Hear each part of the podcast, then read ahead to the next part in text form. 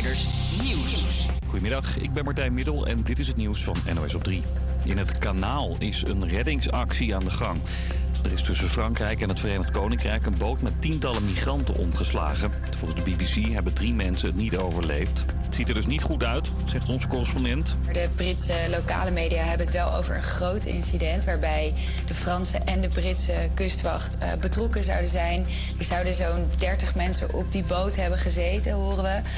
Um, verschillende reddingsboten zijn er nu bij betrokken. Ook een vissersboot die helft. Er zijn helikopters. Ze zijn dus allemaal druk bezig om mensen uit zee te halen. Het water is ijskoud, dus de hoop op overlevenden is klein. Jongeren zijn steeds vaker betrokken bij WhatsApp-fraude, hackaanvallen en andere soorten cybercrime. Vorig jaar was in bijna de helft van de zaken iemand van 21 jaar of jonger betrokken. In 2018 was dat nog een derde. Volgens het Openbaar Ministerie hebben de daders soms niet door hoe ernstig hun acties zijn. De Nederlandse estafette-zwemmers hebben bij het WK zwemmen in Melbourne, Australië, een flinke tik op hun neus gehad. Ze zijn hun wereldtitel kwijtgeraakt aan Amerika. Ook zwommen de Amerikanen het record dat op naam van Nederland stond aan Flarden. En alsof dat nog niet genoeg was, werden de Nederlandse zwemmers ook nog eens gedisqualificeerd. Een van hen ging te vroeg weg van het startblok. En 2,5 miljoen Nederlanders hebben dit gezien. Hier komt Messi. En die De Argentijnen wonnen gisteravond de halve finale van het WK. Tegen wie ze zondag de finale spelen is nog niet duidelijk. Dat wordt Frankrijk of Marokko. En sinds Marokko de halve finale van het WK haalde... is het topdrukte bij deze vlaggenfabriek. Het is, uh, is dit weekend echt losgebarsten. De Marokkaanse vlag is normaal gesproken niet een hardloper van ons. Uh, maar afgelopen weekend hebben we al zeker vijf keer zoveel vlaggen... als dat we normaal in een jaar verkopen verkocht van de Marokkaanse vlag. Vanavond om 8 uur zal er flink mee gewapperd en gezwaaid worden. Dan trapt Marokko af tegen Frankrijk. Het weer is nog steeds behoorlijk fris met overal temperaturen onder nul. In het zuiden zijn er wolken, verder opnieuw flink wat zon. En vanmiddag temperaturen rond het vriespunt. Goedemorgen, het is woensdag 14 december en dit is Geluid uit Zuid op Radio Salto. Ik ben Joris en naast mij in de studio zitten... Camilla. Henk. Daan. We hebben weer een druk programma. Als eerst weer een live artiest die gaat spelen in de studio. Welkom, May Evans. Hallo, hallo. Leuk dat je er bent. Vervolgens belt Henk met een jurist om te vragen of oud-Ajax-speler Quincy Promes een Russisch paspoort kan aanvragen. Maar waarom? Dat hoor je zo. Blijf dus zeker luisteren. Nu hoor je eerst How Do I Say Goodbye van Dean Lewis op Radio Salto.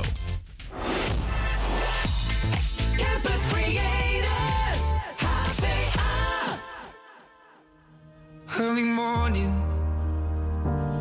there's a message on my phone. It's my mother saying, darling, please come home.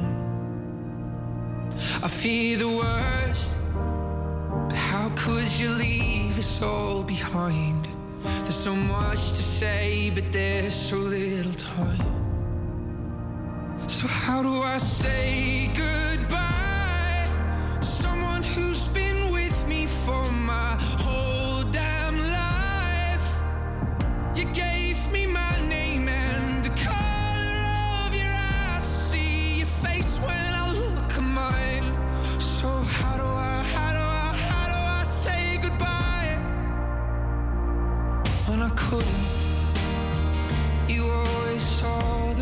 in me. Right or wrong, you're always on my side. Scared of what life without you's like. And I saw the way she looked into your eyes. And I promise if you go,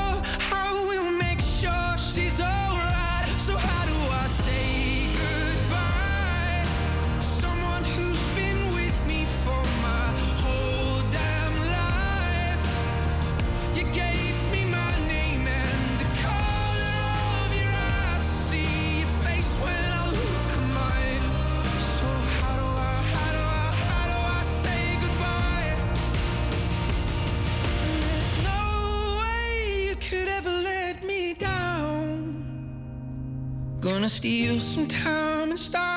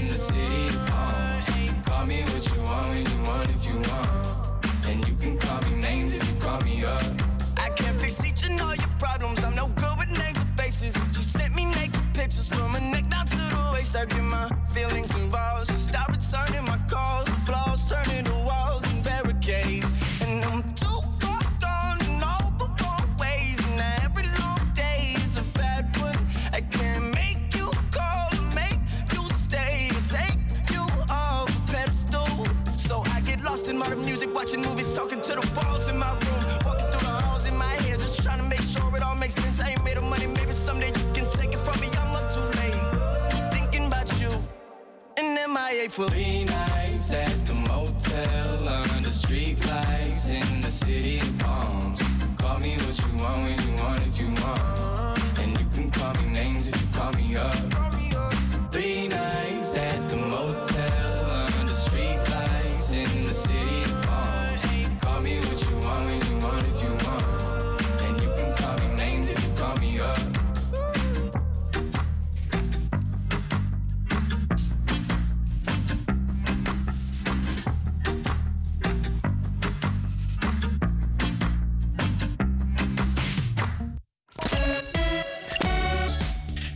succesvolle live optreden van Loka van vorige week hebben wij ook nu weer een artiest in de studio. Live. Welkom Marije. Hallo. Marije vond van kinds af aan verhalen vertellen al het leukste wat er is en heeft in verschillende musicals gezongen. Marije, beter bekend onder artiestnaam Mae Evans, slaat als singer-songwriter een brug tussen neo-soul, R&B en poëzie. In haar Nederlandstalige teksten streeft ze naar de kracht van kwetsbaarheid, recht uit het hart, op melodieën die je aangrijpen. Op 28 oktober kwam haar eerste EP uit, genaamd Bitterzoet. De nummers hierop zijn inmiddels al meer dan 60.000 keer beluisterd op Spotify. Een van deze nummers is Neem me mee. Sorry, correctie, neem me. Hier is live op Radio Salto May Evans met Neem me.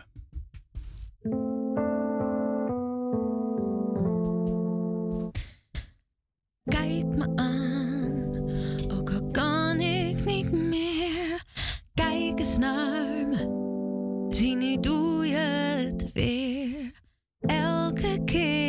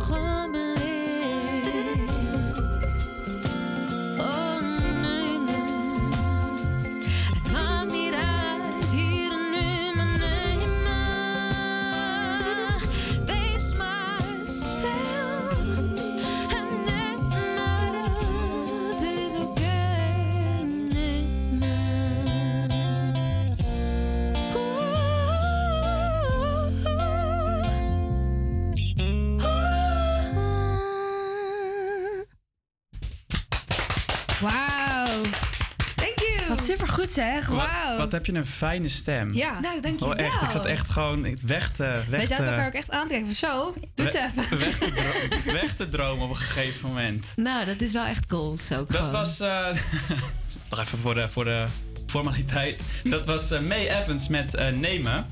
Yes. Erg genoten. Ik heb ook meteen natuurlijk een, een vraag voor jou. Ik heb als, als brave DJ natuurlijk alle nummers van de EP Bitterzoet geluisterd. Nice. En het klinkt zeker bitterzoet, al die nummers. Eh, hoe is deze EP tot stand gekomen? Ja, nou, het begon bij mij allemaal. Het schrijven begon allemaal bij mij eh, tijdens de allereerste lockdown van de hele coronapandemie. Ehm, en eh, ja, toen heb ik eigenlijk die tijd eerst gebruikt met het van me afschrijven van al mijn gevoelens en ideeën, eh, ervaringen, de bittere en de zoete. Ja, kijk. Ehm, en het was ja, eigenlijk eerst voor mezelf een soort therapeutisch eigenlijk. om dat zo van me af te schrijven. En toen na de eerste paar liedjes was ik zo verkocht. Dat ik dacht, nou, dit moet ik gewoon afmaken. En dit, dit, dit voelt zo als Als mijn eigen verhalen vertellen. En toen ik dat allemaal zo naast elkaar legde. Ja, kwam ik eigenlijk achter dat het allemaal neerkomt op een vorm van liefde. De bittere en de zoete verhalen. Ehm, ja, en dan is natuurlijk de volgende stap. Oké, ik ga dit eh, afmaken en uitbrengen. Dus toen ben ik met eh, bevriende muzikanten dat verder gaan afmaken. Heb ik een waanzinnig goede producer gevonden. Ja. Die het allemaal echt de extra tien lagen saus heeft gegeven. En eh, alle strikken erop, toetsen en bellen. En dat is toen een volledige EP geworden met een bundel van de bitterzoete liedjes. Ja, en die is, eigenlijk is hij nog niet zo lang uitgekomen, 28 oktober. En zoals ik net ook al zei, 60.000 streams dit, eh, dit album, of de nummers op het album al. Ehm, ben je tevreden met deze, ja, dat gaat trouwens over Spotify. Ben je tevreden met, eh, ja, met deze, die ontvangst eigenlijk, om het zo te zeggen? Ja, natuurlijk. Het zijn echt je kindjes, weet je wel. Dus je hoopt dat het gewoon goed wordt ontvangen. Of dat nou eh, een paar duizend is of een paar tienduizend. Ik geloof dat ik daar nu ook alweer wel weer overheen zit. eh, maar eh, die teller die houdt eh, na een tijdje op. Dus dan moet je het zelf zeg maar, bij elkaar gaan tellen. Dus dat ga ik ook weer niet doen. Maar eh, het was voor mij echt wel een mooie mijlpaal. Om dat inderdaad dat, eh, de, de cijfers te zien. Maar ja, het zijn cijfertjes. Eh, wat het belangrijkste is, is dat het natuurlijk bij mensen aankomt zoals dat, ik het dat, wil. Dat wilde ik net zeggen. En Dat- blijkbaar is dat zo. Of bij mij in ieder geval net wel.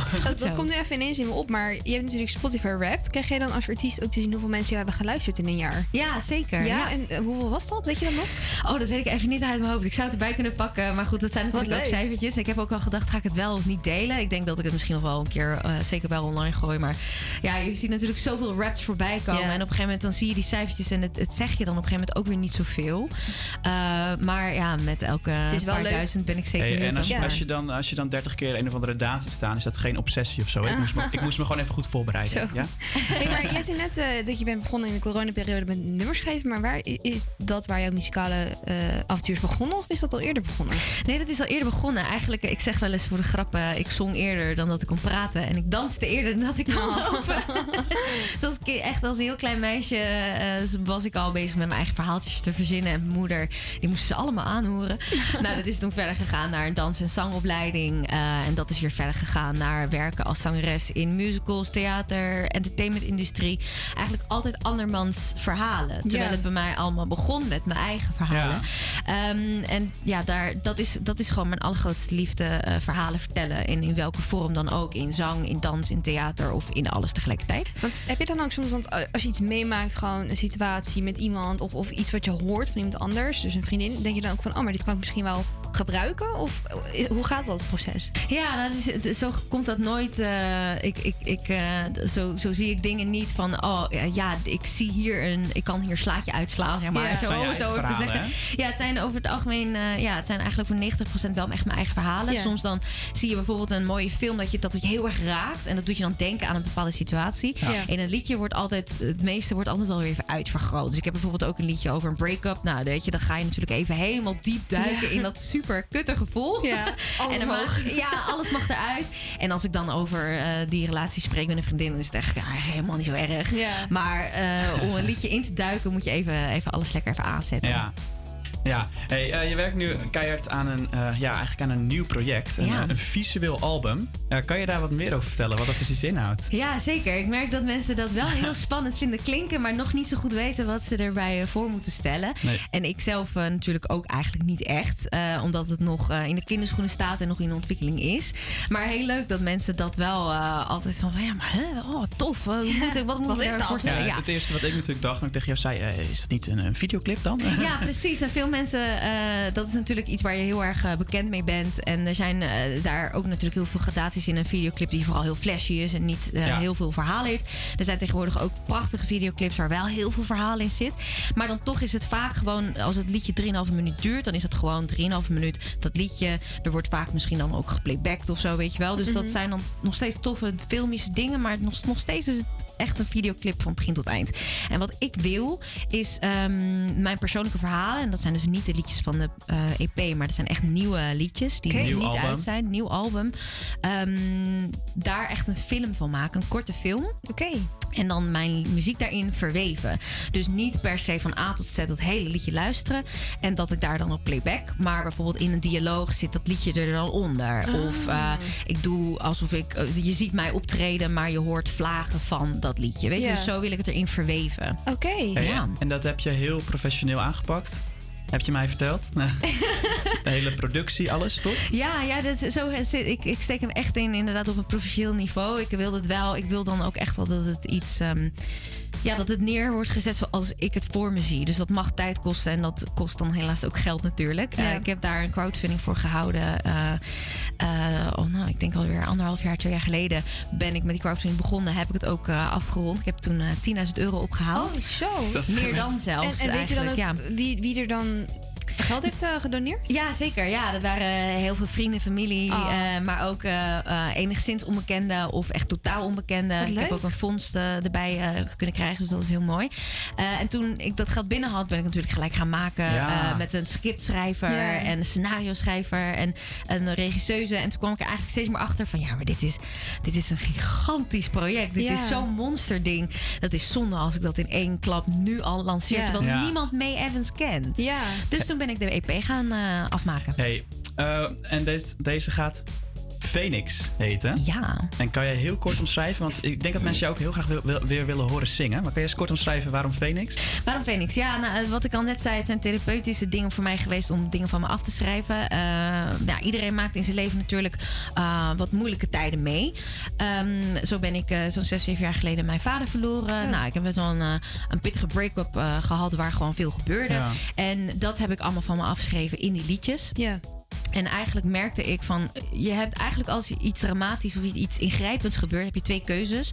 Of je eh, wordt het slachtoffer, slachtoffer daarvan en dat mm, als een blok aan je been draag je dat mee. Of je leert ervan, je groeit ervan en je geeft het toch eigenlijk weer soort van door, die, die lessen. En je kan ook jezelf daardoor herontdekken. Zo heb ik een lied geschreven over mijn vader, eh, die al wel uit is. En eh, heel toevallig dat het nu vandaag, dat ik hier sta. Gisteren heb ik een uitvaart gehad van de vader van een goede vriendin van mij. Oh. En ze vroeg, wil je alsjeblieft dat lied zingen? Want het heeft mij heel veel steun gegeven.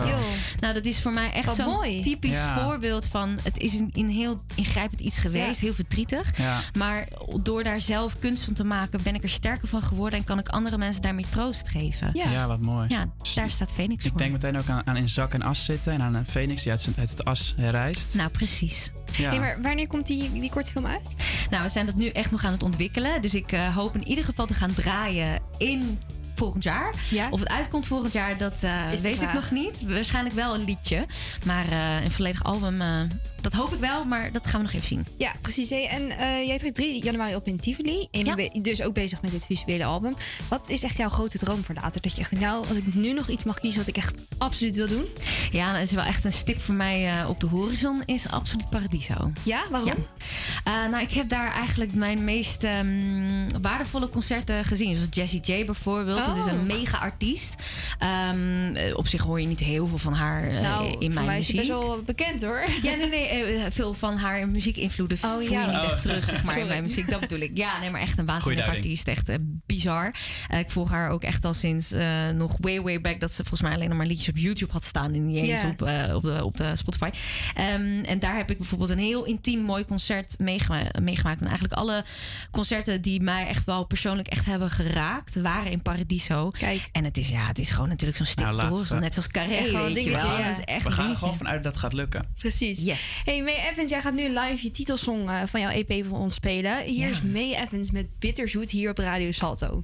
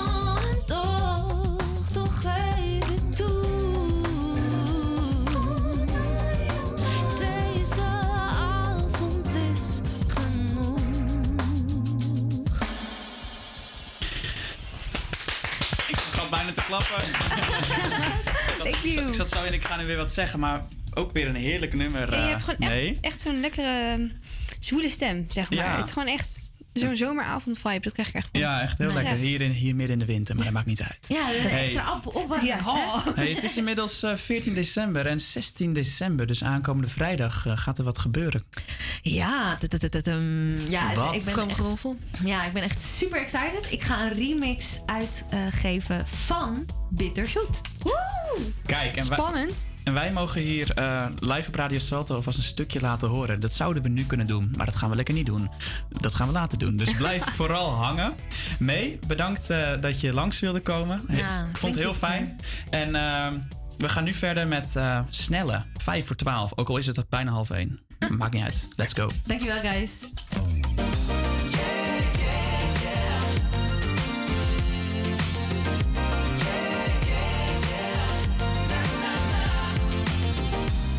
Met mijn hoofd niet bij en het was zo niet mij. Het ging van grijs naar roze. Ik weet niet of hij stak in het zand of dat hij ergens is blijven hangen in de wolken.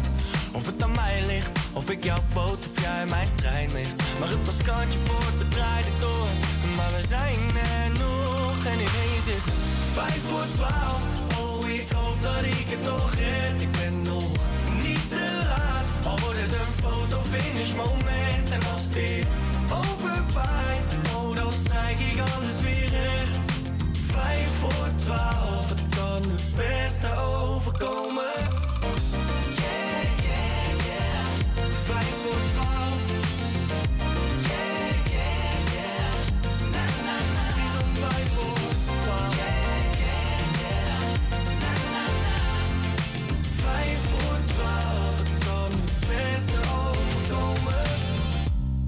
Kan de beste overkomen, al ben ik misschien net te vaak door het oog van een naald gekropen. En hoe vind je het zelf nou gaat, gast? Want je blijft maar zeggen echt, ik ben er bijna. Het is weer kantje boord, dus gas erop, want de tijd tikt door. Oh, en ineens is het vijf voor twaalf. Oh, ik hoop dat ik het nog red. Ik ben nog niet te laat. Al wordt het een fotofinish moment. Als dit overwaait, oh, dan strijk ik alles weer recht. Vijf voor twaalf, het kan het beste overkomen.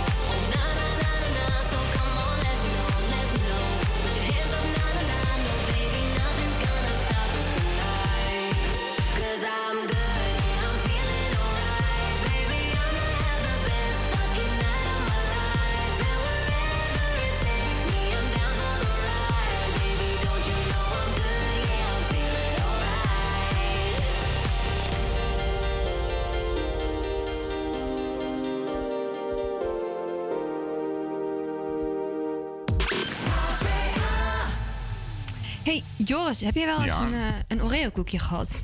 Een Oreo koekje? Ja. Ja, nee, meer dan één wel. En wat is er zo kenmerkend aan zo'n koekje? Ehm, ze zijn rond. Ja. En? Eh, oh, je moet... ehm, want ja, je hebt zeg maar ja, twee zwarte vlakken en dan dat witte crème ertussen. Dus dat moet je er dan afdraaien. En dat moet je dan in de melk dippen of zo. Zo schijnt het te moeten. Dat doe ik nooit. Ik ben hartstikke rebels. Ja, je- zo. Ja. Ja, nee, je zegt het al. Ze zijn Oh. inderdaad zwart. En je zou denken dat ze zwart zijn door de kleurstof. Maar dat blijkt dus niet waar te zijn. Eh, de cacao, gemalen cacaobonen, die worden... eh, ge- zo, gemalen cacaobonen, Ja. die worden gemixt met giftig ammoniak om de zwarte kleur te krijgen. Oh. Ja, en nou is dat eh, ammoniak niet giftig voor de mens, maar wel voor de natuur. Eh cacaofabriek Olam die heeft jarenlang zijn best gedaan om het geheim te houden. O- eh, trouwens, de overheid die wist er wel van. Oké. Ehm, maar ja, de, de cacaofabriek is dus al langer onder vuur door omwonenden milieuorganisaties. Ja. Omdat ze het dus al de hele tijd hadden over die ammo- ammoniakuitstoot. Want ammoniak is dus naast stikstof de grootste uitstoot in Nederland. Maar het, is in Nederland. Ja, het is in Nederland. Is Dus, dit, dus er is, die koekjes, Oreo, die worden in Nederland gemaakt. En daar wordt ammoniak ingestopt Ja. om die kleur te krijgen. Ja, het is dus zeg maar een cacaofabriek Olam die zit in, Sta- in Zaanstand en eh, die produceert dus eh, die koekjes. En om die dus zwart te maken wordt er dus giftig ammoniak eh, aan toegevoegd. En nou, er werd dus al vaker geklaagd van hé, hey, die stoten te veel ammoniak uit. Maar toen had Olam, de fabriek, in een verklaring gezegd van ja, van nature komt er bij de uitstoot van de behandeling van cacao komt er al ammoniak eh, Mhm. uit. Dat, daar kunnen wij niks aan doen. Maar daarbij werd dus niet vermeld dat er kunstmatig superveel ammoniak wordt toegevoegd om dus die zwarte Nee. kleur van de koekjes te krijgen. Dat is niet best. Ik had echt niet verwacht dat dat in Nederland eh, Nee, gebeurt. dus dat is best wel interessant. Ja. Wil jij dus wat vriendelijker zijn voor het milieu? Dan eh, kan je misschien beter maar voor die goede oude stroopwafel gaan. Of misschien voor zo'n lekkere kerstkrans. Die liggen namelijk weer vol in het, in het schap gezien de man in het wit en rood weer bijna door de schoorsteen komt. Pas en bij het sfeertje Megan Trainor met I'll Be Home for Christmas.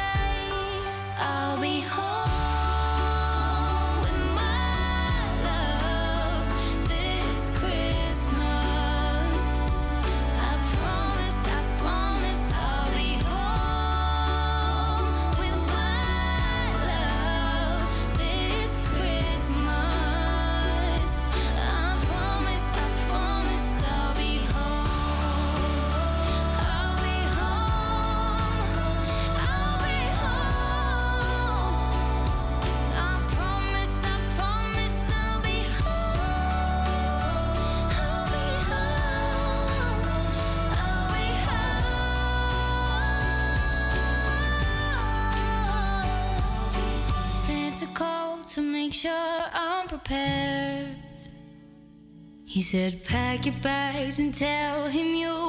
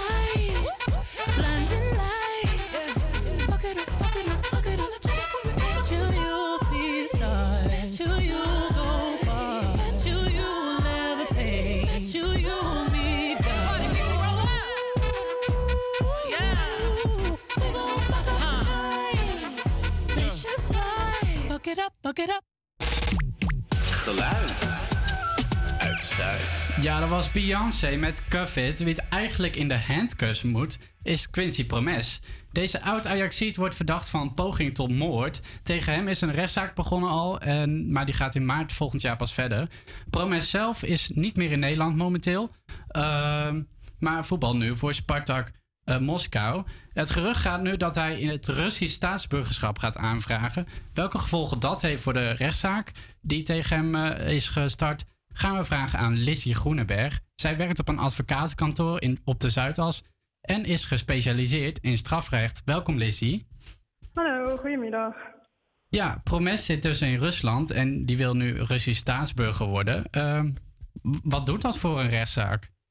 Eh, voor een rechtszaak kan dat wel grote gevolgen hebben. Ehm, mocht het zo zijn dat Quincy Promes inderdaad het Russisch staatsburgerschap krijgt, dan Ehm, en hij in Rusland blijft, dan is het gevolg daarvan dat hij niet uitgeleverd wordt indien er tot een eh, nou ja, zaak gekomen wordt of tot een veroordeling gekomen wordt. Ehm, dus op die manier, zoals sommige mensen dat zeggen, kan je eigenlijk een beetje ontwijken dat je misschien een gevangenisstraf moet uitzitten. Ja, want hoe groot is de kans eh, dat het lukt om Russisch burger te worden? Eh, dat is moeilijk in te schatten, want het uiteindelijke besluit daarvan ligt bij het Russische Algemene Directoraat voor Migratiezaken. Maar de vereisten voor het Russisch staatsburgerschap zijn niet ontzettend streng. Dus zeker als je ervan uitgaat dat zo'n grote voetbalclub hem helpt bij het verkrijgen van het staatsburgerschap, dan hoeft het niet helemaal onwaarschijnlijk te zijn. Oh ja. Ehm, maar hij zit dus nu in Rusland ehm, en hij komt dus niet naar de rechtszaak, zei je. Ehm, kan die überhaupt Rusland wel uit? Eh, nou, of hij naar de rechtszaak komt, dat is nog niet helemaal zeker. Zijn advocaat die zei dat hij er wel bij gaat zijn. Maar wat betreft Rusland is het wel eh, ja, wat gecompliceerder. Ehm, als hij namelijk veroordeeld wordt tot een gevangenisstraf en terugkeert naar Nederland, dan kan hij opgepakt worden. Ja. En ook kan Nederland een Europees aanhoudingsbevel uitvaardigen tegen hem. Eh, dat betekent dat wanneer hij in een lidstaat van de Europese Unie is, dat zo'n land hem moet overleveren naar Nederland. En tenslotte, als hij in een staat buiten de Europese Unie is, dan kan het zijn dat hij uitgeleverd moet worden. En Ja. in dat geval zou hij dus alsnog zijn straf in Nederland moeten uitzitten. Of kan hij als verdachte verplicht worden om eh, bij de zitting te zijn. Ja, want komt dat vaker voor dat mensen eh, ergens in het buitenland zitten en dan niet eh, de, de strafzaak komen bijwonen? Nou, soms gebeurt dat wel. Zo heb je dat ook halverwege november gehad in de MH17-zaak natuurlijk. Ja. Er zijn ook drie Russische staatsburgers veroordeeld voor een levenslange gevangenisstraf, maar die zitten nu natuurlijk ook niet in de gevangenis. Ehm, maar dat is wel een soort van vergelijkbaar daarmee, in de zin van dat zij veroordeeld zijn en er niet bij waren. Dus ze kunnen niet bijvoorbeeld direct naar de gevangenis gebracht worden wanneer de rechter eist dat ze direct naar de gevangenis gebracht worden. Ja. Ehm, dus zodoende gaan die mensen eigenlijk in theorie vrij, terwijl er wel een, een levenslange gevangenisstraf is opgelegd. Ja, maar het probleem is dus wel dat hij eh, meestal in Rusland moet blijven, wat niet voordelig is voor zijn voetbalcarrière, denk ik. Eh, nee, dat klopt. Eh, Dus inderdaad, als je dan een uitwedstrijd zou hebben in een van die landen waar je dus uitgeleverd of overgeleverd kan worden, dan wordt het wel moeilijk. Maar goed, hij is natuurlijk nu nog maar verdachte en er is nog geen oordeel gekomen. Dus het is allemaal een beetje afhankelijk van hoe de zaak loopt. Maar het kan inderdaad wel iets zijn waar die flink rekening mee moet gaan houden. Ja, nou, eh, ik vind het helder geworden. Dankjewel voor je uitleg, Lizzie. Eh, wij gaan het volgen hoe het eh, af gaat lopen. Voor nu gaan wij verder met Unholy van Sam Smith.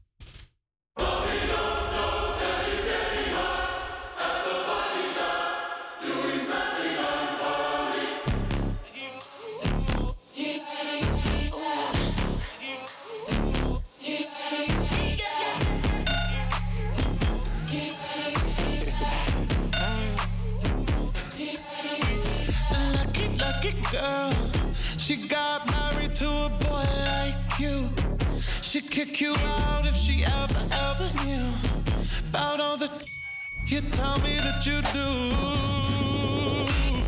Dirty, dirty boy. You know everyone is talking on the scene.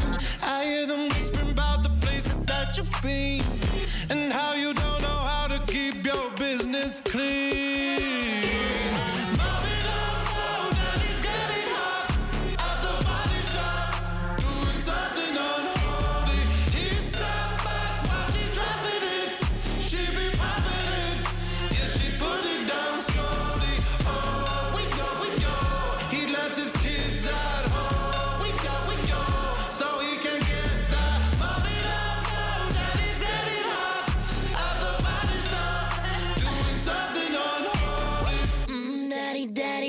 Wanna drop the addy,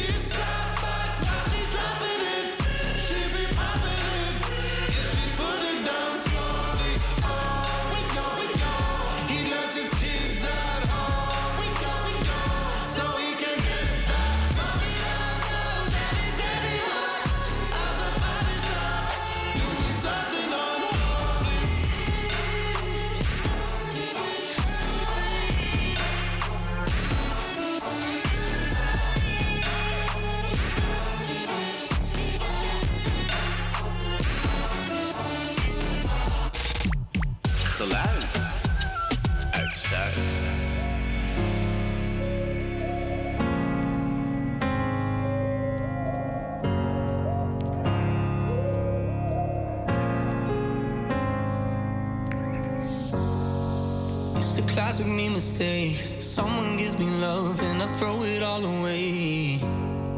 Tell me, have I gone insane?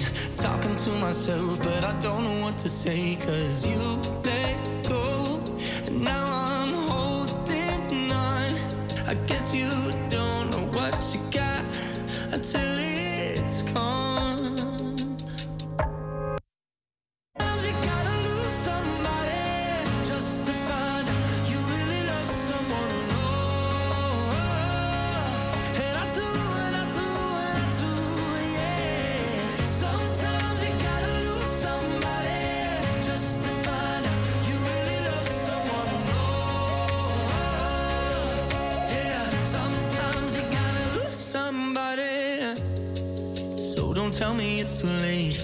Hearts are made to bend, baby. Please don't let me break it. I knew I should have stayed, cause now you're moving on, and I don't know what to say, cause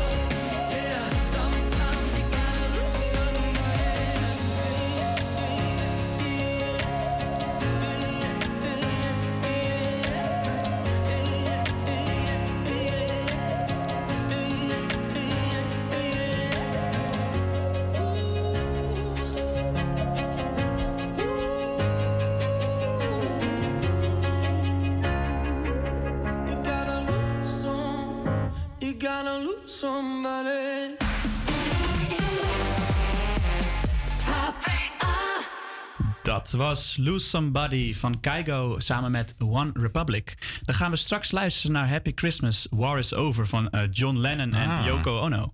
Ik hoor eh, Joris naast mij ah zeggen. Joris, Ja. leg eens uit. Jij hebt wat leuks te vertellen. Ja, nou ja, eh, we maken natuurlijk radio voor geluid. Of voor Amsterdam-Zuid, over Amsterdam-Zuid. En, Geluid uit Zuid, wilde je zeggen? Yes. ja. Nee, John Lennon en Yoko Ono zijn in 1969 in het Amsterdam Hilton Hotel geweest in Amsterdam-Zuid. Hey. En eh, nou, daar hebben ze een week lang in bed gelegen voor eh, ja, de wereldvrede. Er was een actie daartegen, ook eh, de Vietnamoorlog. En ja, die suite die, die is nog steeds in originele staat. Dus daar kan je, kan je heen. Hartstikke leuk. Wel 1600 euro per nacht. Oké, dat, zijn, dat zijn prijzen, man. Ja. en dat, Ja. dat is alleen wat zij er zijn geweest, toch? Eh, ja, maar het is ook wel leuk om te zien hoe, hoe zij het hebben gemaakt. Want ze hebben echt die hele kamer hebben ze aangepast. Ah. Dus ze hebben de bedden verschoven. Die hebben ze tegen het raam aangezet. En er hingen... Een soort ode aan hen. Ja, ook wel, ja. Ja. Ik ben van odes, hè. Dat, eh, ja, dat, weten dacht we. ik al. Nou, En- over wereldgesproken, je wil nog wat zeggen? Ehm, nou ja, Yoko Ono is daar nog een aantal keer geweest. Ook samen met de zoon van eh, John Lennon. Dus dat is Julian Lennon, waar het nummer Hey Jude ook eh, over gaat. Van de Hij weet Beatles. alles, hè? Hij weet alles. En eh, ja, nou, die kamer die, die is nog in originele staat. Dus hartstikke leuk om daar naartoe te gaan. Kijk, we hadden het even over wereldvrede, dus het bruggetje is snel gemaakt. Happy Christmas van John Lennon met Yoko Ono. So this is Christmas. And what have you done? Another year over, and you won't just begun. And so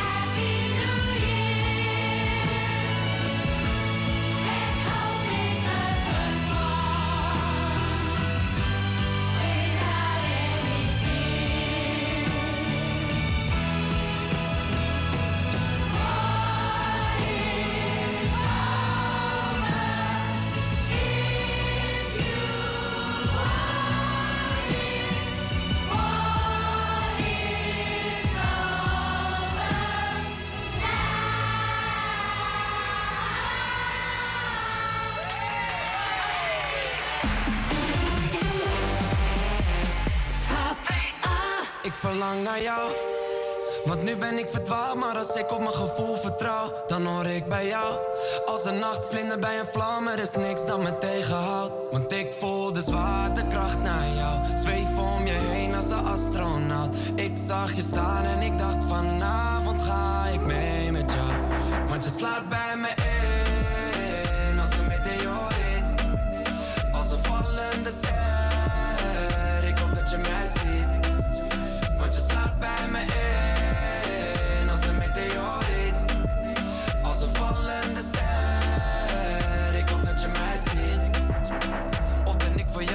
Een vrouw als jij zou met mij in tien licht, ja. Nog niet kunnen zijn, maar het stappenplan ligt klaar. Mijn excuses, sorry als ik naar je beeld sta. Eh, en ik ben al de hele week op zoek naar jou. Nu lig ik in mijn bed en het voelt zo koud. Ik heb je op mijn radar, focus op je waistline. Move op de baseline. Waarom ben je bang? Ik verlang naar jou. Want nu ben ik verdwaald, maar als ik op mijn gevoel vertrouw, dan hoor ik bij jou. Als een nachtvlinder bij een vlam, er is niks dat me tegenhoudt. De zwaartekracht naar jou. Zweef om je heen als een astronaut. Ik zag je staan en ik dacht vanavond ga ik mee met jou. Want je slaat bij me in als een meteoriet.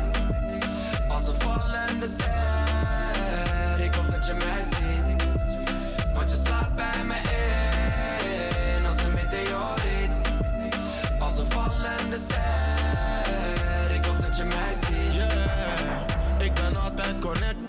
satelliet, laat me weten als je echt bent. En anders niet, ben je ready voor een next step. Laat me zien, anders zorg ik dat je weg bent. Yeah, ik zag je vallen uit de lucht en je was lang onderweg. Maar ik heb je kunnen vangen met mijn armen gestrekt. Goeie body vergelijk de volle maan met je ass. Oh, mami, kom dans met de ster. Neem me niet kwalijk als ik rondjes om je zweef. Stel me open naar je toe, dat je alles van me weet. Hoe je wijnt is niet normaal, zweer je bent insane. Jij komt van een andere planeet, zwaartekracht naar jou. Zweef om je heen als een astronaut. Ik zag je staan en ik dacht vanavond ga ik mee met jou. Want je slaat bij me in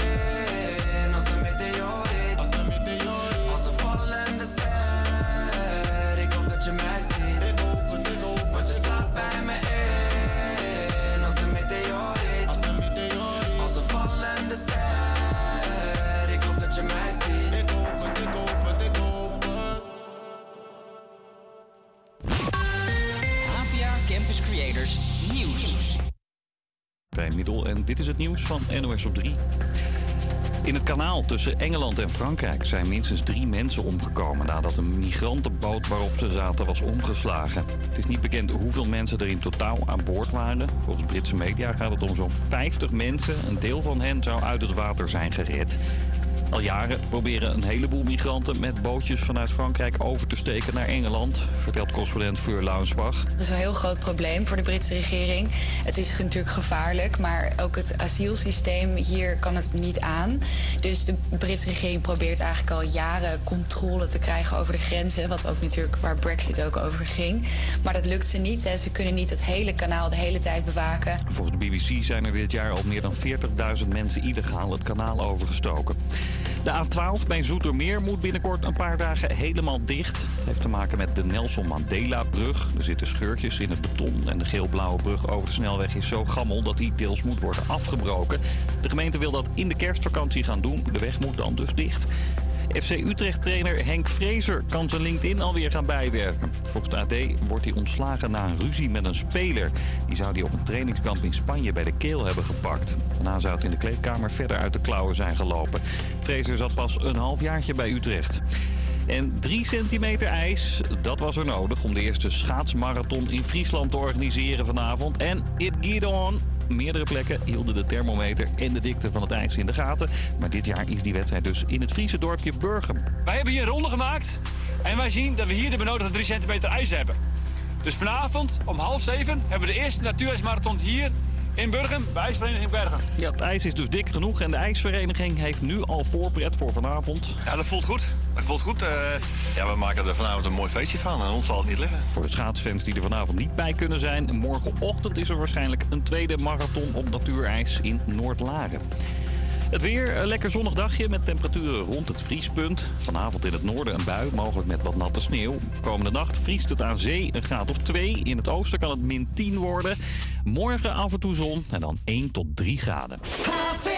Ja, het is 1 uur luistert naar Geluid uit Zuid. Mijn naam is Camilla en ik zit hier met... Daan. Joris. En Henk. Zometeen gaan we langs bij de Embassy of the Free Mind. We hebben het over verkeersveiligheid in Amsterdam. En onze eigen lieve Joris, die gaat een eind maken aan de Ode van de Dijk. Maar dat gaat op een hele speciale manier doen. Hij gaat namelijk live zingen hier met Jan Jaap. Wil jij weten welke nummers ze gaan spelen? Blijf dan vooral luisteren. Nu eerst Sia met Cheap Thrills hier op Radio Salto. Let's go. Campus Creators,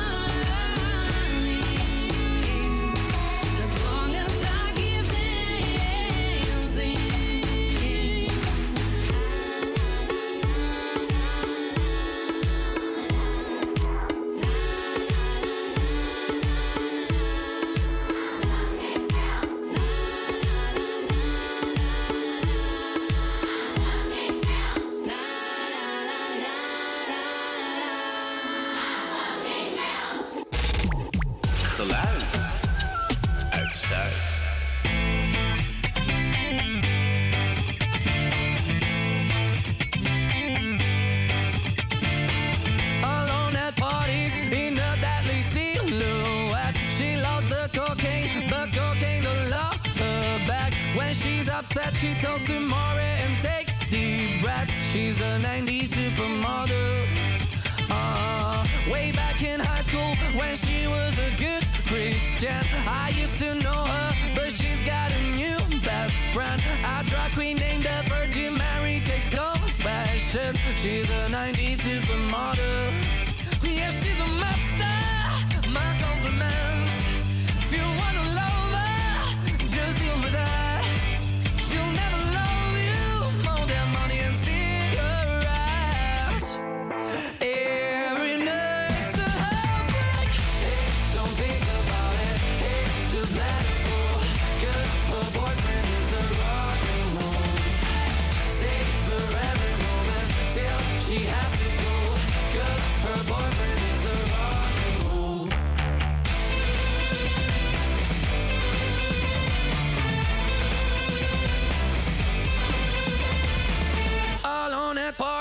She's working around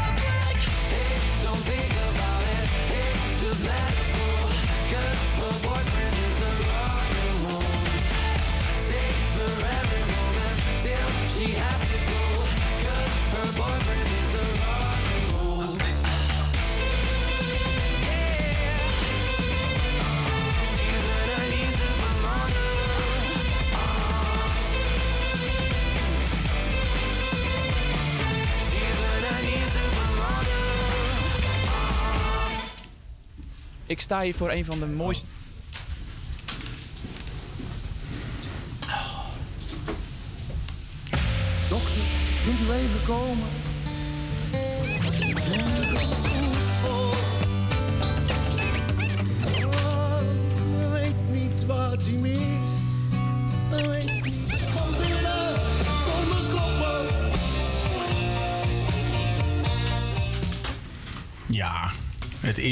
Tijd voor de Ode aan de Dijk.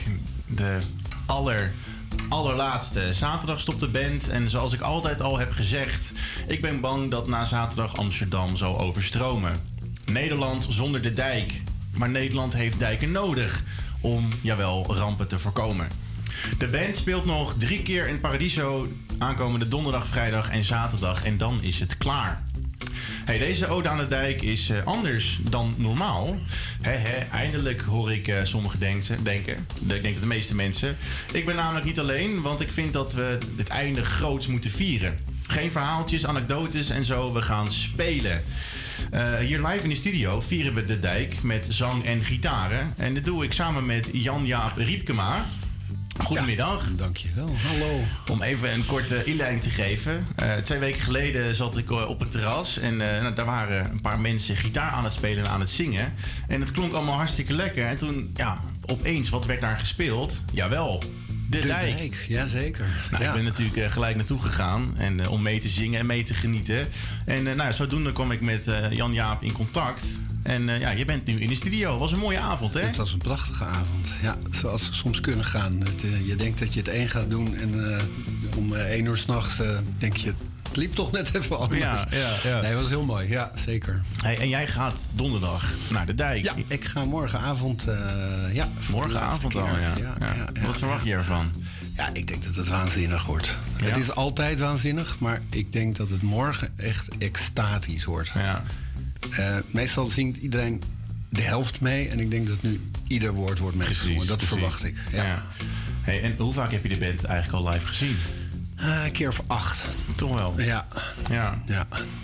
En eh, ik weet niet of je het weet, maar de kaartjes hè, voor Paradiso, dus donderdag, vrijdag, zaterdag, die staan echt op marktplaats voor honderden euro's. Ja, dat heb ik gehoord. Ja. En het was snel uitverkocht. Eh, Wanneer heb jij de kaartjes gekocht? Nou, een maat van mij met wie ik dit altijd doe, we gaan eigenlijk altijd samen naar de dijk, die heeft het volgens mij al een jaar geleden eh, gekocht. En toen heb ik er eigenlijk, zoals dat ook wel vaker gaat, niet eens gedacht van, oh ja, dat is volgend jaar. En eh, toen drong het eigenlijk pas later door. Dat is dat laatste concert. Ja, wat, wat la- ja, later heeft Huub, van der Lubbe, de zanger van de Dijk, aangekondigd van we stoppen ermee. Ja. Dus je hebt geluk. Ja, dat, je was daarbij geluk, want we zijn. gingen eigenlijk altijd al gewoon naar de Paradiso. En dan, eh, nou ja, dan zagen we de dijk. En dus nu was het de laatste, ja. Ja. En, en wat betekent de dijk voor jou? Nou, het is, voor mij is het heel erg gekoppeld aan die, eh, aan die vriendschap.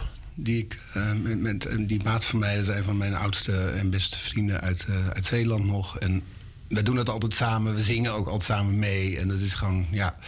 Dus dat is het in eerste instantie. En voor de rest is het echt ook een ding uit mijn jeugd. Ik, eh, Toen ik aan het puberen was, had je de Doe maar en de Dijk. En dan was het natuurlijk niet zo heel moeilijk om te kiezen. Want hoe En, oud ben je? ik ben 50. Ja, zou je niet zeggen hoor. nee, ja, nou dank je. En eh, nou, toen eh, eh, heb ik ja, al, die, al die hits van ze heb ik lekker mee geblaerd. En toen hebben ze nog een hele mooie plaats gemaakt met Niemand in de Stad. Ja, En zo. Die heb ik ja. ook grijs gedraaid. Toen heb ik ze een tijdje niet geluisterd. Want ik hou ook van een heleboel andere muziek. En toen eigenlijk heb ik ze weer echt leren waarderen door die documentaire over Solomon Burke. En die vond ik zo prachtig en ontroerend. En toen dacht ik ook Amerika. echt van... wauw, ik wist eigenlijk niet eens dat die band zo goed was. Dus dat vond ik echt super vet. En toen ben ik ook eigenlijk naar die concerten weer gegaan. Ja, ja. ja. En heb je ook echt een lievelingsnummer? Ah, ja, ik heb er meerdere. Eh, eentje daarvan eh, gaan we denk ik straks spelen. Eh, en die andere is volgens mij dezelfde als die van jou, namelijk Niemand in de Stad. Ja, ja dat Maar is wel die, mijn favoriet. ja, Ja, ja. ja. Hey, en ja, ik vind, we gaan het straks horen natuurlijk, dat je hartstikke goed gitaar kan spelen. Nou, nee, dat mag ik zeggen. Ben je ook echt artiest? Nee, maar ik heb eh, wel mijn hele leven lang in bandjes gezeten en muziek gemaakt. Dus ja, eh, in die zin wel, maar nooit, voor, eh, nooit heel serieus of zo. Ja. Maar ik werk ook voor Follow the Money. En we hebben wel vorig jaar eh 18 theatervoorstellingen gedaan. Dus opeens was ik wel een artiest. Kijk, kijk. Dus dat was nogal onverwachts. Dus ik zit hier met een groot artiest Ah, in de ja, nou ja, dan opeens dan wel, ja. Maar dat was echt wel te gek om een keer echt eh, helemaal professioneel eh, zo'n tour Ja, te dat doen. snap ik wel. Ja. Ja. Hey, en eh, ja, welk nummer gaan we zo doen? Want ja, ik ga meedoen. We doen het samen. Ja, we gaan er twee doen, mag ik dat zeggen? Verraad Ja, ik dan iets? Ja, we gaan er twee doen. Ehm, de eerste heet Onderuit. Met, ja, nou trouwens, de onvergetelijke zin moeten jullie er zelf maar uithalen. Als jullie hem niet onvergetelijk vinden, dan eh, heeft het ook niet zoveel zin om te moeten. Maar er zit een van de mooiste zinnetjes in, vind ik, van, eh van Huub. En eh, de tweede, zal ik die ook zeggen, of merken ze dat wel? Dat houden we verrassing. Die houden we even verrassing, vind Ja, ik ook. ja. Ja, precies. Daar gaan we dan. Ja, Onderuit van de? Dijk. Dijk live in de studio op Radio Salto met Jan-Jaap Riepkema.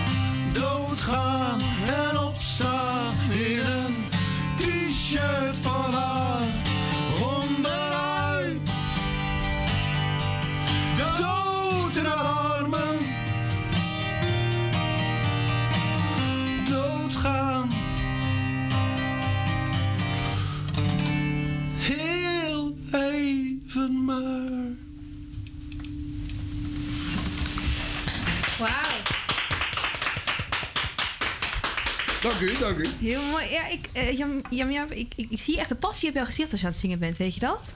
Ja. Heb jij, voel je ook zoveel passie met dat zingen? Ja.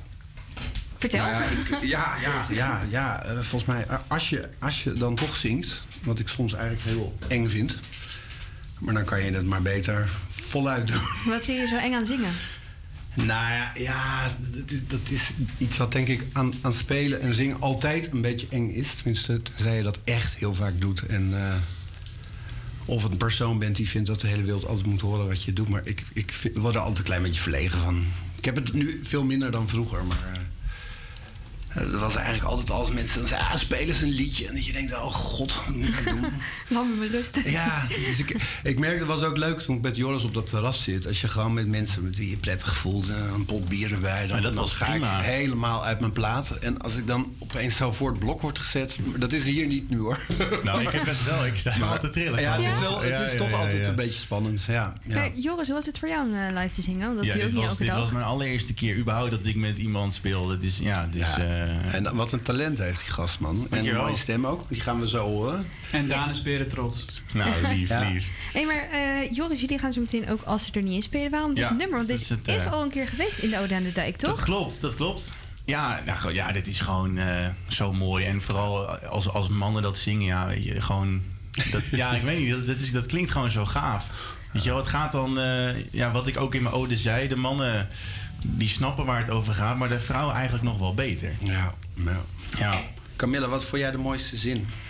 Ja, nou, ik, ik heb heel eerlijk niet per se een, een zin dat ik denk, deze vond ik het mooist. Maar ik vond, er zitten heel veel zinnen in dat ik denk, wat, wat gek eigenlijk. Wat, wat was nou iets van doodgaan of zo en Ja. wakker worden in haar, in haar Ja. shirt? En dan denk ik echt van, wat bedoelt hij daarmee? Ja. Dus het zijn een heleboel bijzondere zinnen, vind ik, Ik zelf. vond dat het, inderdaad het allermooiste zinnetje.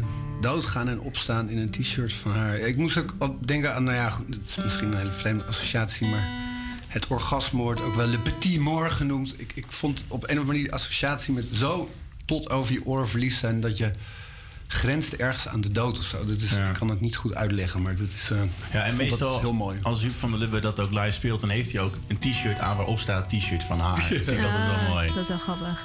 Nou, ik zou zeggen, ehm, we gaan door met Als ze er niet is, weer door eh, Jan-Jaap en, eh en Joris. Zitten deze? Ja. Ik moest alleen even tunen.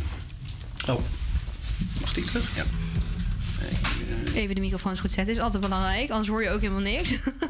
Zo is dat die ongeveer, hè? Kijk. Nou, mannen, zet hem op. Ja. Dankjewel.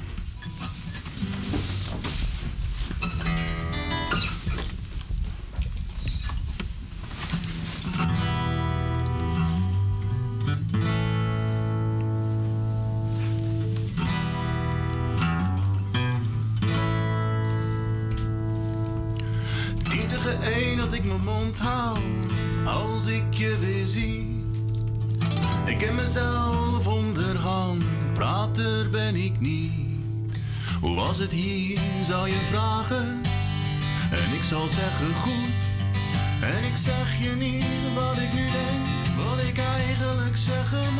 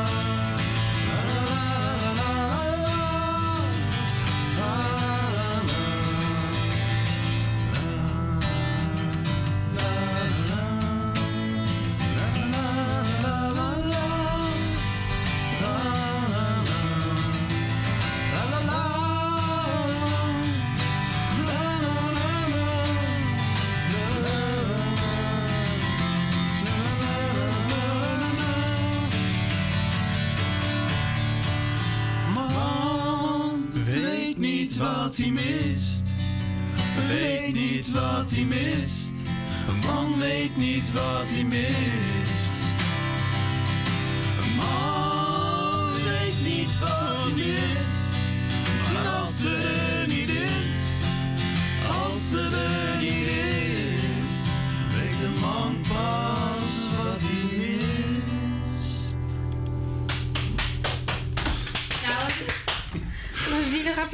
Wat bedenken Wat supergoed, man. En Dani zong ook nog even mee op het eind. Zeker, zeker. Kijk. Toppie. Joris, dit was hem dan. De Ode aan de Dijk. Ja, het is klaar. Was dit het eind dat je ervan had gehoopt? Ja, ik vond het echt, nee, ik vond het echt, echt fantastisch. Ja. ja. Ik ben hier echt heel blij mee. Kijk, ik, eh, we gaan lekker door met eh, uh, Santa Tell Me van Erin de Grande.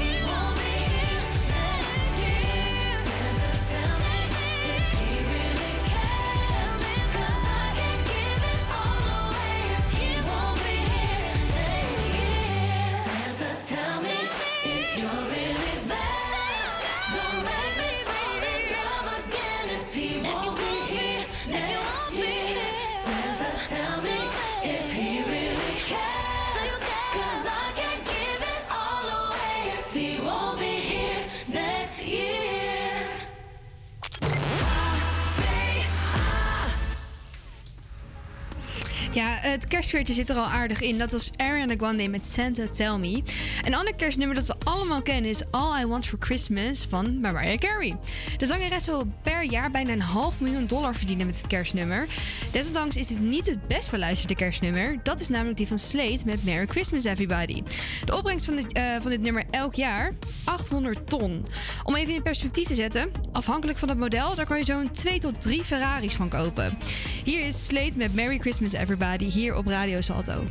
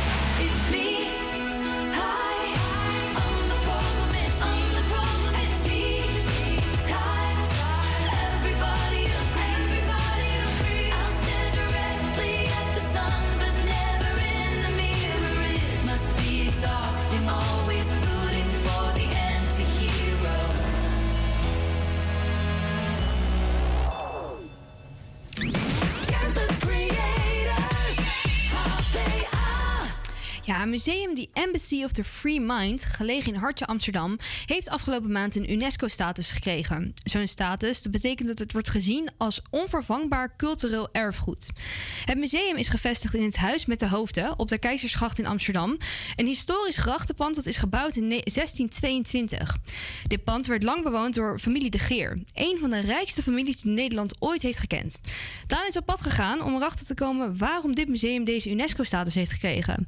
Tipje van de sluier: je verwacht nooit welk historisch boek Daniel gaat zien. Ik sta hier voor een van de mooiste panden in Amsterdam aan de Keizersgracht. Eh, De Embassy of the Free Mind. Het pand heeft prachtige grote ramen. Ik zie allemaal eh, hoofden die afgebeeld staan.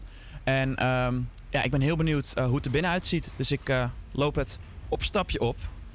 En ik eh, ga naar binnen. Ik sta hier met Jasja, PR-manager van eh, de Embassy of the Free Mind. Dag Jasja. Welkom Daan, wat leuk dat je er bent. Jullie zijn sinds eh, 4 november eh, onderdeel geworden van eh, UNESCO. Kan je eens uitleggen hoe dat eh, ontstaan is? In ons museum, de Embassy of the Free Mind, vind je de Bibliotheca Philosophica Hermetica. En die bestaat uit 28.000 hele bijzondere boeken. eh, die allemaal een ander verhaal vertellen, maar samen de verbondenheid der dingen laten zien. En het zijn boeken geschreven door eh, vrijdenkers.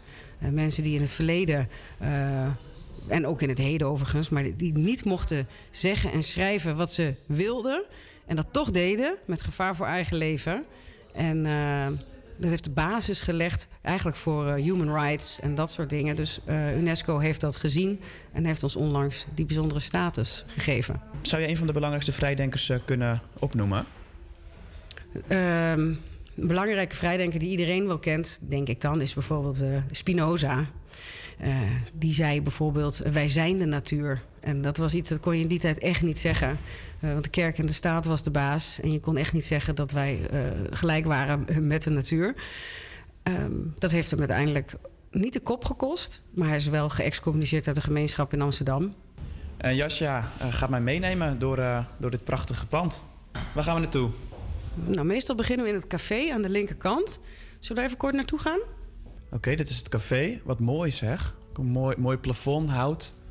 Ehm, En er hangen een heleboel afbeeldingen aan de muur. En dat zijn eigenlijk de afbeeldingen die komen uit onze Bibliotheca Philosophica Hermetica collectie. ja. Dus uit de meest belangrijke boeken hebben wij de meest bijzondere afbeeldingen gehaald en aan de muur gehangen. En dan is het idee dat je op je eigen tijd langs de afbeeldingen loopt en kijkt welke met je resoneert. Dan kun je naar een iPad gaan die bij de entree in de deur, bij de deur staat. Dan kun je op een afbeelding klikken en dan kun je lezen wie die afbeelding gemaakt heeft, waarom die daar hangt, uit welk boek die komt. En als je het boek dan alsnog wil inzien, dan kun je die opvragen bij de curatoren die op de eerste verdieping zitten. Of in de online catalogus opzoeken via onze website, omdat een deel van de collectie ook gedigitaliseerd is. We lopen het café uit. ehm, ja, richting een gang. Ik zie je heel mooi. eh, ja, ook alweer een hele mooie vloer. Een soort schaakpatroon, om het zo te zeggen. We lopen een, een trappetje op. Een opstapje. Ook weer zo'n mooie ruimte. Ja, dit is de graalkamer. In het midden zie je de Amsterdamse graal. Holy Grail. Hier in het midden staat een, ja, hoe zou je dit noemen? Een soort van, van heel groot eh, kunstwerk op een, eh, op een zwarte eh, stand. Ja, het is een heel groot gouden ei, lijkt het wel, een Fabergé-ei.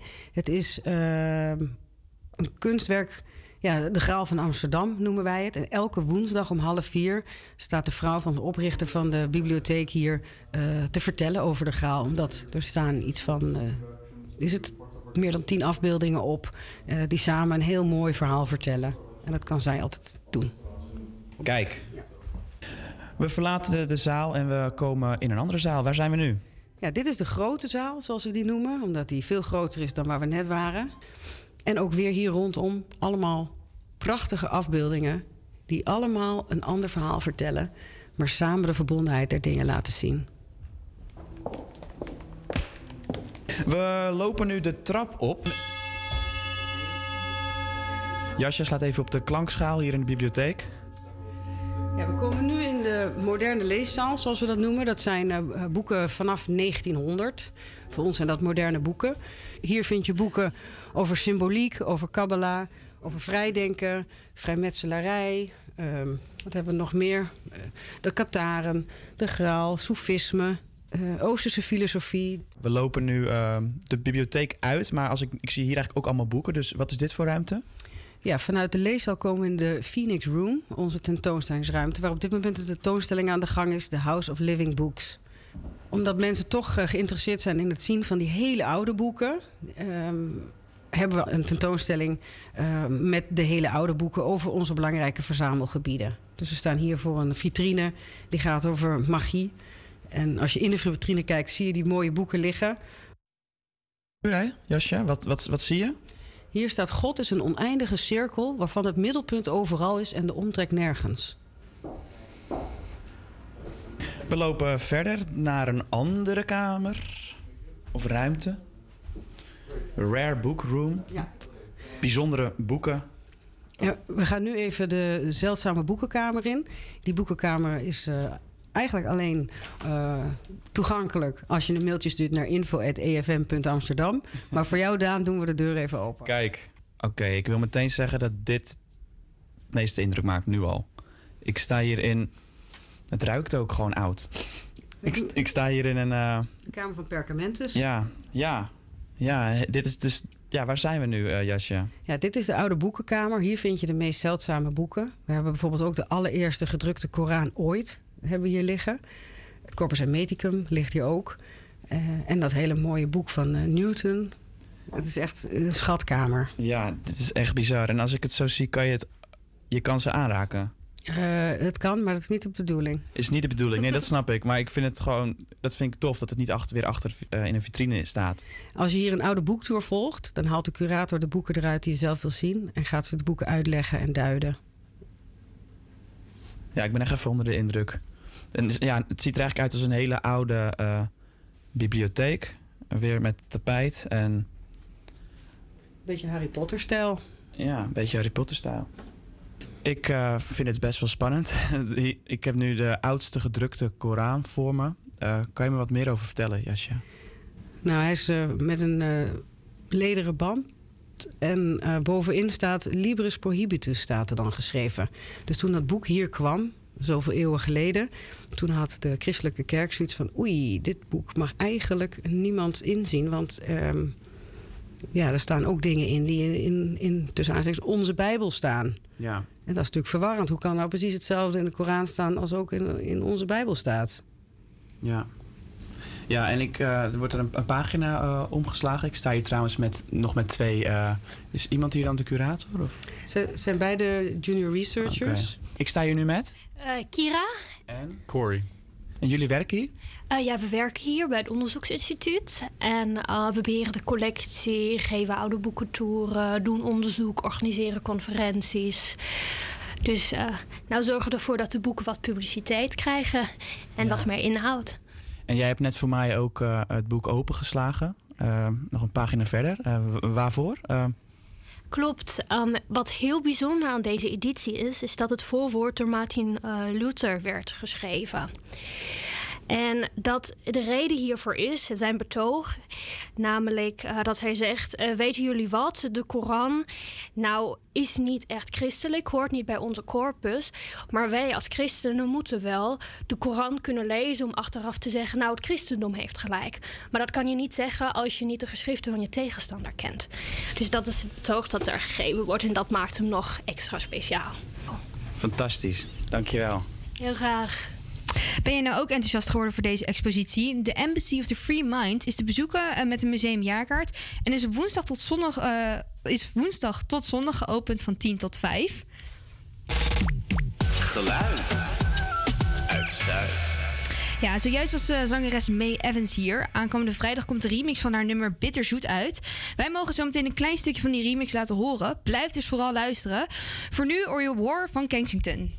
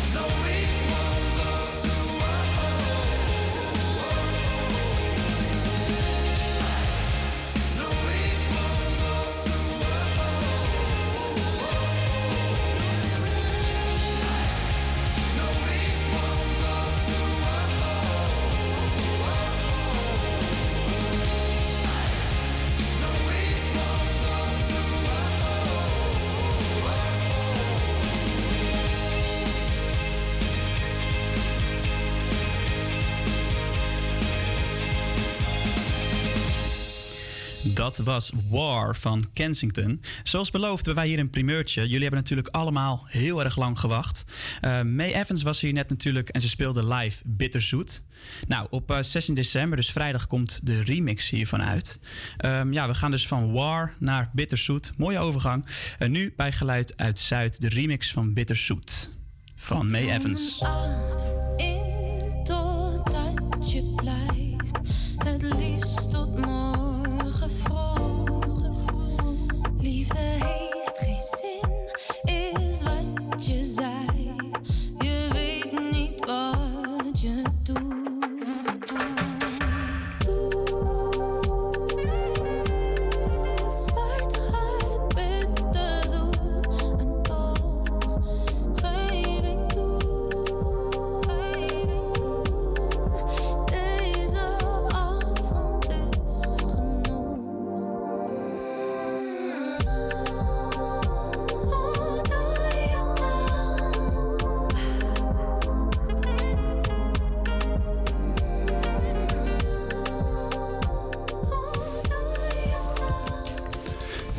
Was een snippet van de remix eh, van May Evans, Bitterzoet.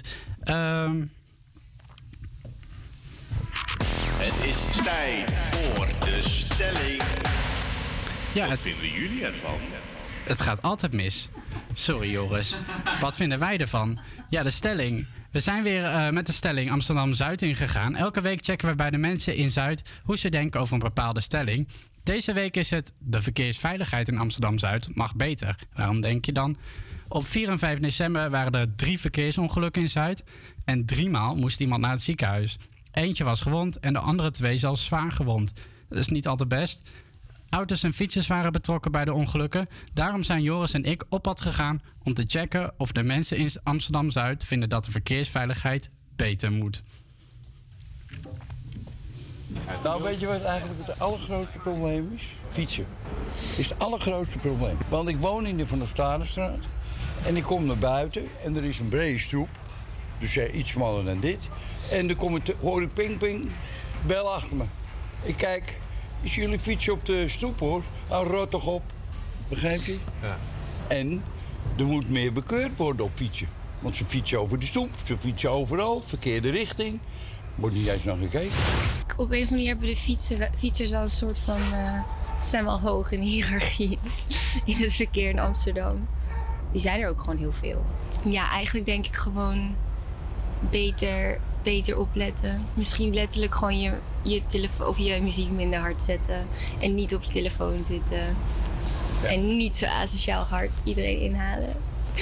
Op de bepaalde, eh, bepaalde kruispunten moet je wel extra opletten. Maar ik heb niet het idee dat het hier heel onveilig is qua, qua verkeer. En het is vooral volgens mij vooral te maken ook met veel elektrische fietsen en dat soort eh, ongein.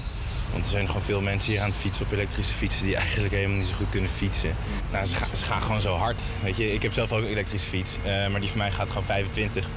Ehm, maar als je dan die andere van hoofd ziet, die gaan gewoon 35. Eh, en dat is gewoon echt onredelijk hard op een eh, fietspad. Nou, ik ben eh, in, het, in het bijzonder altijd erg geïrriteerd over het kruispunt bij de Heinekenbrouwerij. Dat een heel gevaarlijk kruispunt is. En wat ik onbegrijpelijk vind dat de gemeente het nog steeds toelaat dat daar bussen met toeristen staan, waardoor er allerlei gekke dode hoeken ontstaan. En wat er veel te veel mensen zijn. Dus ik vind gewoon dat eh, eigenlijk Heineken zijn verantwoordelijkheid moet nemen en weg daar moet gaan met de Heineken brouwerij. Het is gewoon een. eh, de, hoeveelheid mensen die hier wonen zijn, is, is natuurlijk al wel enorm. En dan komen die toeristen erbij en dan. eh, dus ze moeten prioriteiten gaan stellen.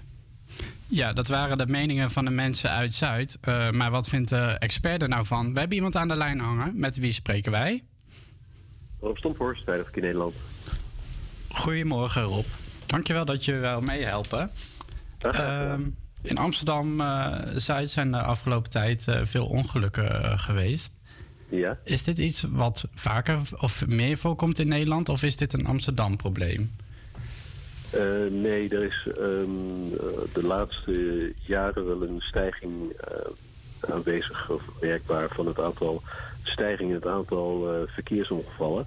Ehm, En eh, ja, dat, dat- dus dat is al langere tijd bezig. Dat uit zich ook in eh, het aantal ernstig verkeersgewonden.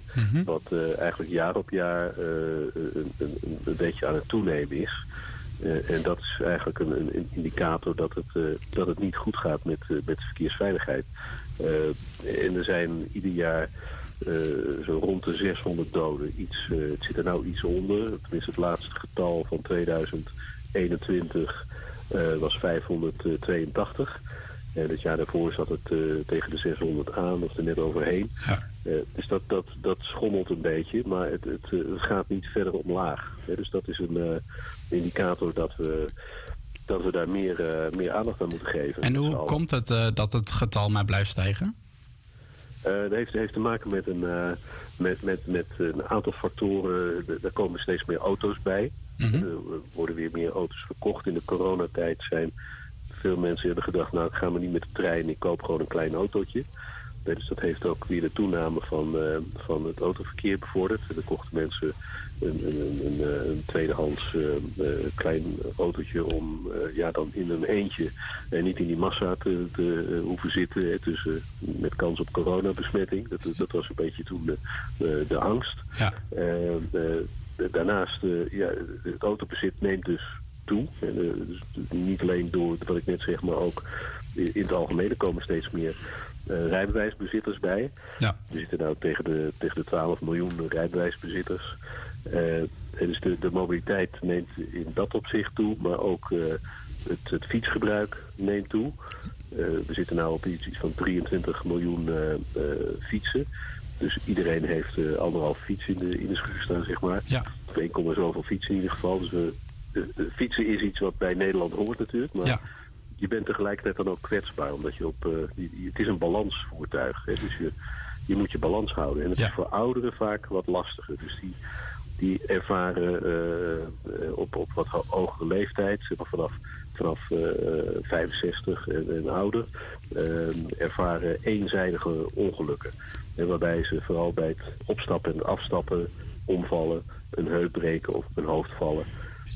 En dus dat, dat, dat is iets wat, waar we ook, ook wat mee moeten in de preventieve zin. Ja, want we spraken mensen op straat en daar zei ook een meneer... eh, ja, in Amsterdam is het heel veel fietsers die niet kunnen fietsen. Maar met name ook eh, elektrische fietsen bijvoorbeeld. De Van Moof is heel populair nu.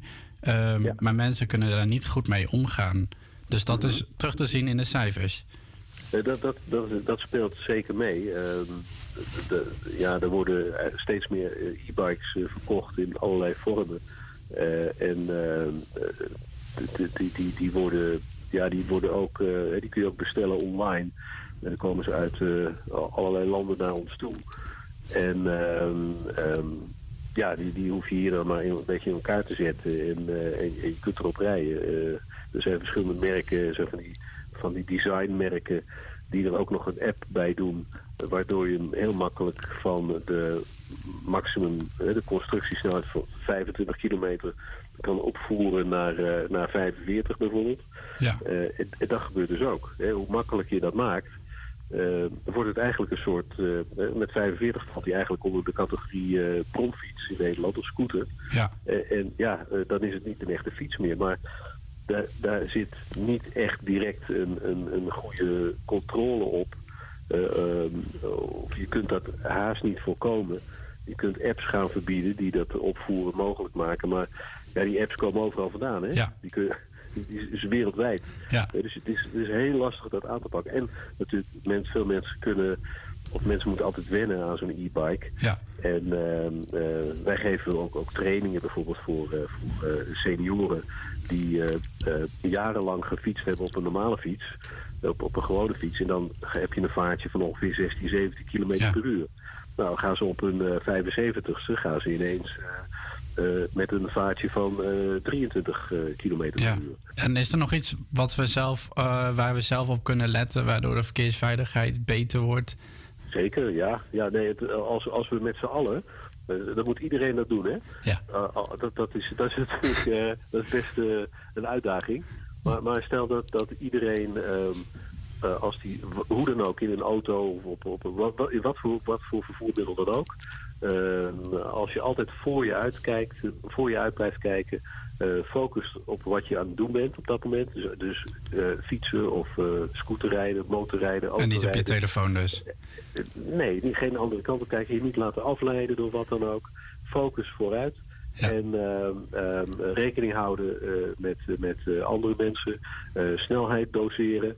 Eh, eh, ja, en, en dan, dan komen we met z'n allen een hele stap verder. Dan voorkomen we heel veel ellende. Want 95% van alle verkeersongevallen...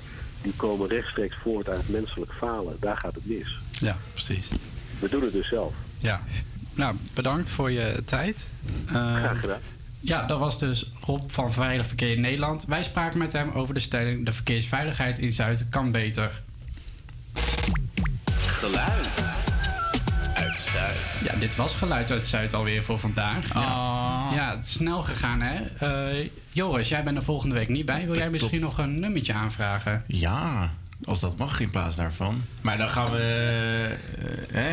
Mag het, jongens? Nee, eh, dat ligt er wel aan wat. Ik, heb, ik weet het al bij jou trouwens. Ja, daarom. Ja, maar kijk, kijk, ik heb zoveel odes gedaan aan de dijk. Er is eigenlijk één nummer die is niet langs geweest. Moet eigenlijk wel. Mag ik hem aankondigen dan? Eh, nee, Ja, officieel, Joh, ik snap dat eh, jullie helemaal gek worden. Alsjeblieft nog eentje. En dan in- hierna stop ik hem. Kan je, niet, kan, je niet nu, Allerlaatste. kan je niet nu alvast naar Parijs gaan? Gewoon meteen dan. Nee, eh, nee. Nog even, we gaan nog één keer dansen, ja? Als Oké, zo smeekt, dan moet het wel. Hier is dansen op de vulkaan Op van de dijk. Ja. Tot volgende week.